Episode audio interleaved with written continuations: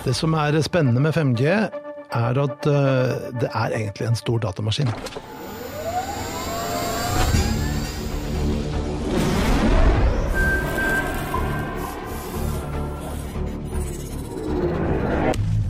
Velkommen til Teknisk sett, en podkast fra TU. Mitt navn er Jan Moberg, og jeg sitter her med Odd-Rikard Valmot. Hei, Jan. Odd-Rikard, i dag skal vi snakke om et tema vi har snakket om mange ganger før, faktisk, i denne podkasten. Ja, men øh, nå nærmer det seg, Jan. Ja, jeg har skjønt det at det allerede er i gang. Det er i gang på mange, mange steder. Få, få punkter, men en, en, god del steder i Norge, ja. Litt kryptisk for noen, men vi skal altså snakke om det du kaller den siste G-en, Odd-Rikard. 5G. Ja. Og øh, jeg er jo nysgjerrig på dette med 5G, fordi jeg, jeg, jeg har jo hørt om det, jeg tenker liksom 3G, 4G ja ja, skal med 5G. Men det er virkelig noe nytt. Det er jo en, en helt enorm teknisk transformasjon vi snakker om. Virkelig stor. Som kommer til å bety mye mer for infrastrukturen ja. i hele samfunnet ja. enn hva de tidligere mobilnettene har gjort. Ja.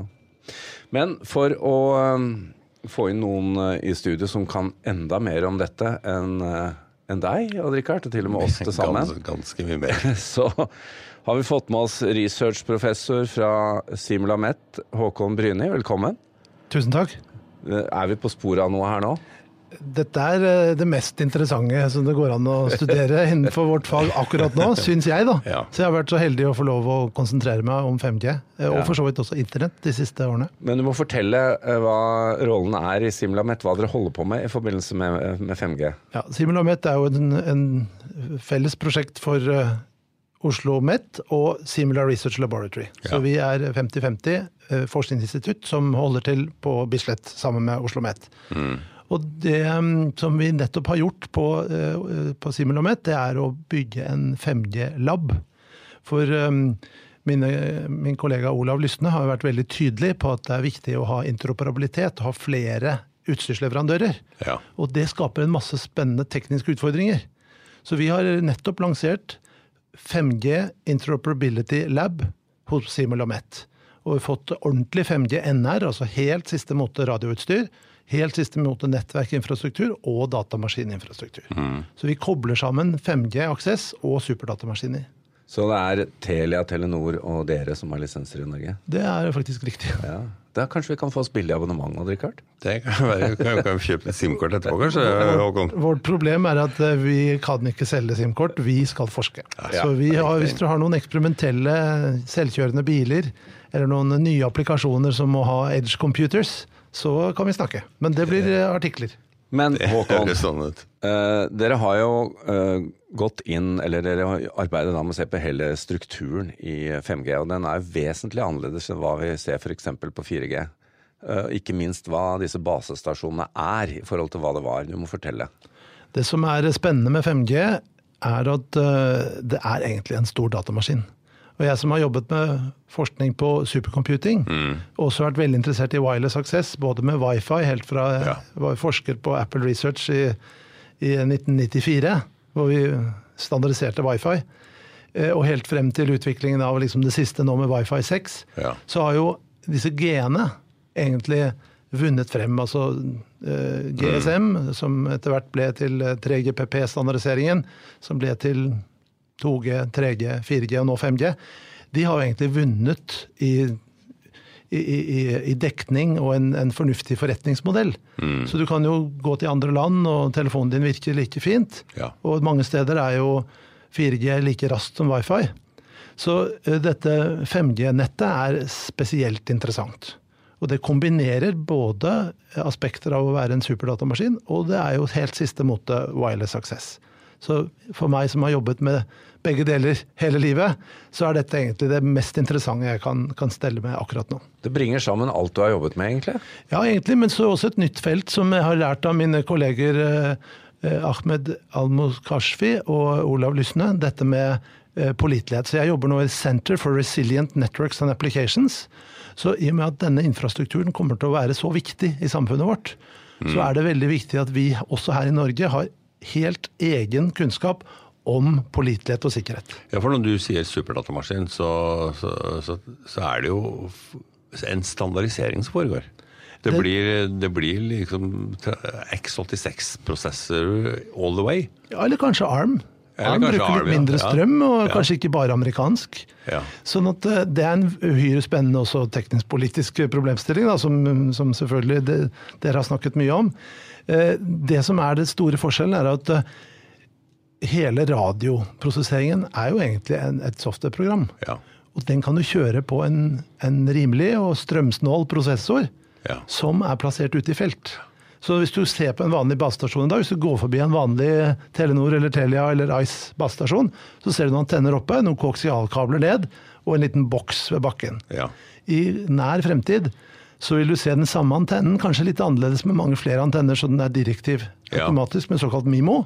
ja. Og så vil du se en liten fiber som går ned med eternett. Hvis du titter inn i den fiberen, så er det vanlig eternett-protokoll. Ja. Akkurat som du har på PC-en din. Så vi eternetifiserer mobilnettet. Det er helt riktig. Ja. Og, Og derfor kan det bli en superdatamaskin. Ja, og ikke bare fra den lille prosessoren som er oppe i antenna, som sørger for MIMO, retningsstyring og synkronisering og sånt, men da ned til maskinen som står på bakken, som ikke lenger er en dedikert radioboks fra en av leverandørene, men kanskje er en, en liten clustercomputer, en liten maskin med 20, 40, 50 blades med vanlig prosessorkort, som kjører en software, f.eks. fra Huawei eller Eriksson eller Nokia.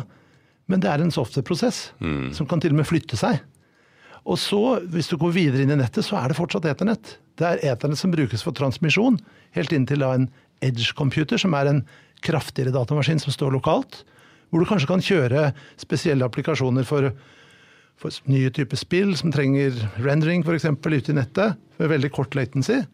Eller kanskje kollisjonsunngåelse for biler som leverer da sensordata inn til nettet. Og det kan gjøres bearbeiding, f.eks. kollisjonsunngåelse, eh, på en datamaskin som bare er et millisekund unna. Og fortsatt innover i nettet så går du fortsatt eternett inn til en, en cloud, en, gjerne en private cloud, Ja. som la oss si operatøren, Telenor, Ice eller, eller Telia, opererer. Og der er type SIM-kort, eh, databaser og regninger og liksom min side og alle mulige tjenester som hører til i et, et 5G Core-nettverk. Mm. sikkerhet, billing, internettaksess, natt, eh, brannvegger. Alt som hører til i en, i en, i en, i en 5G Core. Det finnes da gjerne i en private cloud som operatøren eh, tilbyr, og kanskje har replisert et par byer for å være sikker. Men den er litt lenger unna i latency fra terminalen din.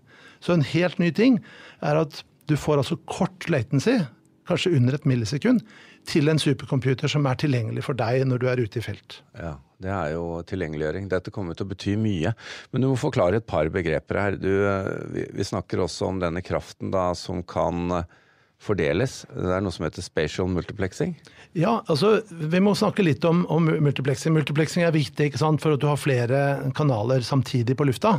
Ja, for Og- det, det, Dette tilgjengeliggjør enda mer til enda flere brukere og typebrukere og applikasjoner. Ja, Hvis dere husker eh, teorien, så har du tidsdelt multiplex. ikke sant? At du har timeslots, og så du sender nå, og jeg sender etterpå, og så kommer den tredje og sender. Vi deler kapasitet mellom oss. Så har du eh, frekvensmultiplex, som du er vant til fra FN. Hvor du liksom skrur inn på P2, og så når vi ikke hører på den, så litt over på P3. Ja. Det er frekvensmultiplex, ikke sant?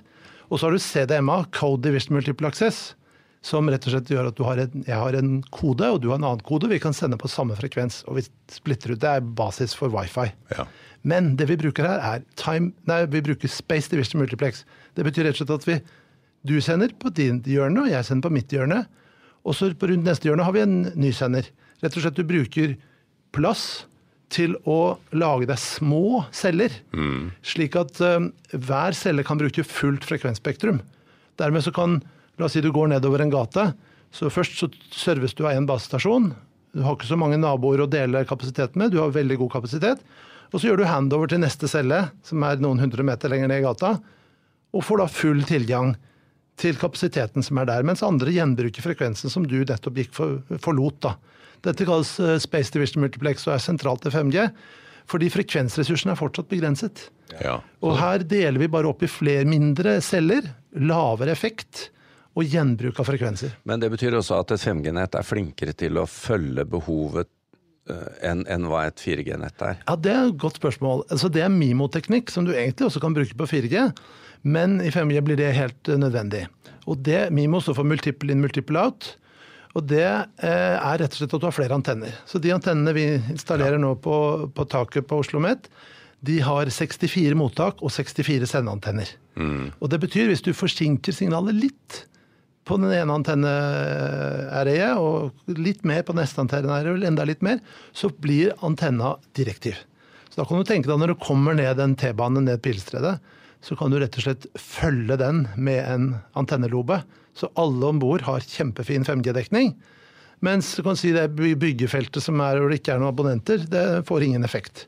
Og dermed så bruker du kreftene dine bare der hvor du har abonnenter.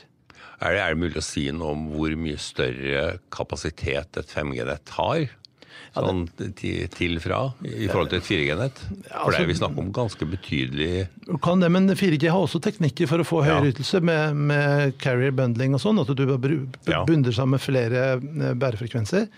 Så hvis det er samme, samme mengde frekvensspektrum, så, kan så nærmer 4G seg. Men 5G NR, som er den nye radioen, er mer effektiv. Ja. Ikke minst så løser vel da 5G også flere av oppgavene. Tidlig, altså type begrep edge computing og sånne ting. da. Ja, altså det er med edge computing at du har eh, datamaskinressurser veldig ja, nær, sånn latency-messig, er jo helt nytt. At du kan liksom gjøre breakout nesten rett etter basestasjonen til en computer. Vanligvis i 4G så går du helt inn til, til core, Ja. inn i teleoperatørens nett, som kanskje er i en annen by enn den du er i. Da har du latency, og tjenesten du bruker kanskje er for en skyleverandør som er Google eller Apple eller noe sånt, som da er langt unna. Vi må også snakke om et annet begrep, eh, Håkon. Nemlig, for det finnes en annen måte også å dele 5G-ressursene på. Noe som er kalt slicing. Det er også en annen veldig spennende ting med 5G som er helt nytt. Det betyr også at eh, infrastrukturen kan tilby flere nett samtidig.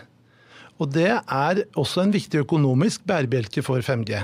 For hvis vi bare skulle bruke det til mobiltelefoni, så er ikke folk interessert i å betale så veldig mye mer for en, litt, en 1G til. Nei. Fordi de vil omtrent ha samme betalingsinteresse som før. Det ville kanskje være litt, litt eh, fancy løsning hvis det bare skulle være mobilløsning. Nettopp. Så du må finne flere som kan spleise. Og da har vi nye brukergrupper. F.eks. nødnettet er en veldig god eksempel. For Tradisjonelt så har man bygget separate nett, med Tetra f.eks. i Norge. Det er veldig kostbart. Veldig få brukere, brukes bare av og til. Og det er en helt separat infrastruktur. Det er veldig kostbart. Kanskje bare én leverandør, ingen konkurranse. Ikke optimalt. Så der er det økonomiske tyngdekrefter som gjør at det er veldig aktuelt å bruke 5G for nødnett i fremtiden. Og det er masse utfordringer med det. For det må være sikkert. Og du må da kunne tilby kapasitet. Så da kommer slicing inn. Ja. Så slicing er et eh, begrep i 5G hvor, du, hvor all kapasitet, både på radiogrensesnittet, i basestasjonen, i eh, maskinen som står i nærheten av antenna, i edge-computeren som står i en liten region, og i core, alle steder så kan det allokeres kapasitet. Så da en nødnettbruker i 5G vil da ha garanti for at det fins både overføringskapasitet og regnekraftkapasitet i 5G-nettet. Og dermed så kan politifolk, brannfolk og, og syke... Altså utrykning på alle nødetatene da, kan da få tilgang til sitt kritiske nett i en delt infrastruktur. Når de da ikke bruker det, så kan du og jeg surfe raskt og bruke ressursene. Ja, for det det er snakk om her er jo ikke egentlig å dedikere deler av, av dette og slice noe som står der og er statisk. Dette kommer når du har behov for det. Dette er helt dynamisk. Så du får en veldig god utnyttelse av Men, kapasiteten. men denne slicen, som da er nødnettslicen i 5G, den må jo da ha spesielle egenskaper. Ja. Og så er det også andre brukergrupper som kan tenkes å betale, og der kommer vi inn på IOT. Så IOT er Ja, en veldig viktig del av 5G. Og autonome kjøretøy og den type ting. Ja, så tenk deg da bilene som skal inn i et kryss. De har alle sensorer, kamera kanskje, infrarødsensorer, ultralydsensorer, kanskje LIDAR i fremtiden. De kan jo levere sensordata opp til, til nettet. De ikke, kan ikke ta imot fra alle andre biler, for det kanskje til og med ikke har radiokontakt med andre biler, men alle hører basestasjon. Så du kan da laste opp dine sensordata til en lokal edge-computer, og alle bilene inn på vei i et kompleks kryss kan du da få vink fra en lokal eh, hjelpende datamaskin, som da gjør collision avoidance. Så du kan si eh, brems opp, gass på, tre grader til venstre. Ops, ops, det kommer en, eh, en person i, i rullestol rundt hjørnet. Brems. Og det kan til og med også gjøres automatisert. Ja, for det er med, med ett millisekund latency. Det er jo ikke noe magi. Altså, lyset trenger også tid for å gå langt. Så når det blir så kort til, til databehandlinga, så, så, er det mulig. Så hele clouet her er at datamaskinen blir distribuert. Ja. Så det finnes da ressurser både Basestasjonen er blitt til en PC, Edge-computeren står kort avstand fra basestasjonen, men deler, kan serve flere basestasjoner. Og på denne måten så er det det jeg kaller en superdatamaskin. Vi er nødt til å snakke om enda et tema, noe som er faktisk litt fascinerende og litt skummelt på en gang. Når du har så, uh, viktig, en så viktig infrastruktur som dette kommer til å bli, uh, og såpass komplisert, så er det snakk om at disse, dette 5G-nettverket må jo i noen grad være i stand til å passe på seg selv hvis det skulle skje noe. Og dette vet jeg dere forsker på i forbindelse med pålitelighet, sikkerhet og robusthet. Det er derfor jeg har sånn stor glede av å arbeide sammen med, med Ahmed Al-Mokashfi, som er min nærmeste kollega på, på Simulamet. Han er spesialist på nettverksinfrastruktur, og spesielt sårbarhet og pålitelighet. Eh, en stor internasjonal kapasitet. Og eh, vi arbeider sammen nå om å utforske self-driving networks. Altså Det betyr nettverk som kan reparere seg selv. Eh, en utfordring med såpass kompliserte infrastrukturer det er at det er vanskelig å gjøre manuell korreksjon ja. når det skjer noe galt. Fordi du vet ikke akkurat hva som har skjedd galt. Du må gjøre undersøkelser, du må teste, pinge rundt og ta opp og ned interface. Sånn. Du kan ikke gjøre det på en infrastruktur som server biler som kikker rundt kryss, og det er politifolk som skal ringe til eh, sykebilsjåfører. Det, det må virke. Mm. Og her må vi ha datamaskiner til hjelp. Og moderne nettverksinfrastruktur kan programmeres med såkalte software defined networks, eller med noe som heter P4, som er en ny protokoll, hvor du kan styre egentlig får direkte tilgang til ASIC-en, altså selve chipen inni ruter og switcher. Ja.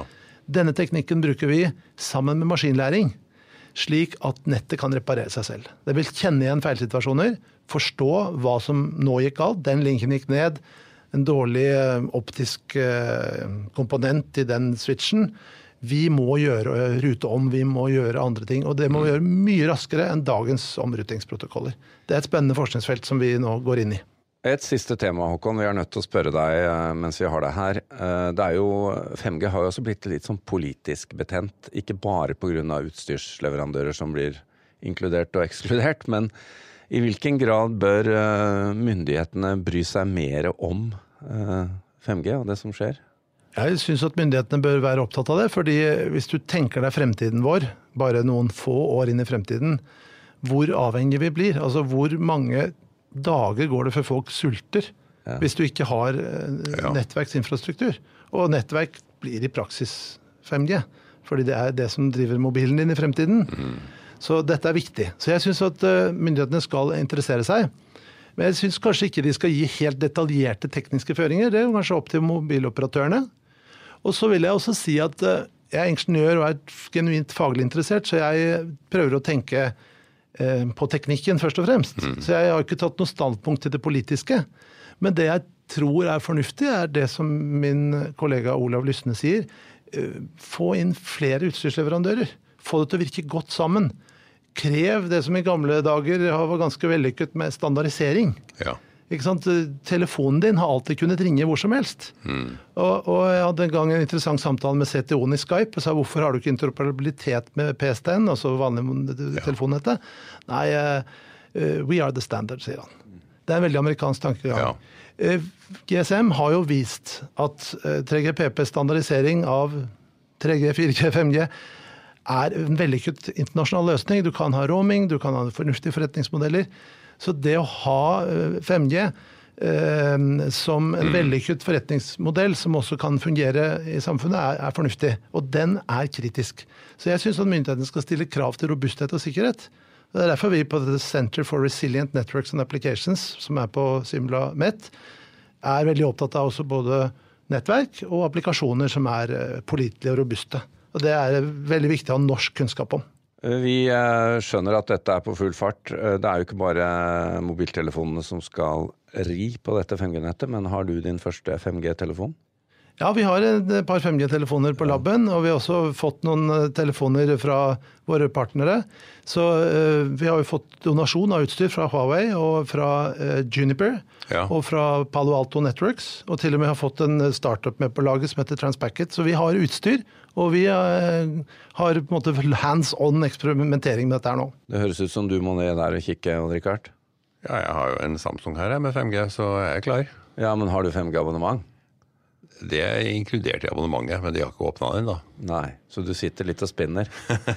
Eh, Håkon Bryne, tusen takk for at du tok deg tiden til å komme hit og fortelle oss om dette. Vi vet du har mye mer å fortelle, og vi tenkte at vi like godt kan invitere deg på en ny podkast om, eh, om et par måneder, før det er andre temaer vi skal snakke om også. Og lykke til med, med senteret. Takk til eh, Odd Rikard med sin nye 5G-telefon, og takk til vår produsent Eivind Limstrand.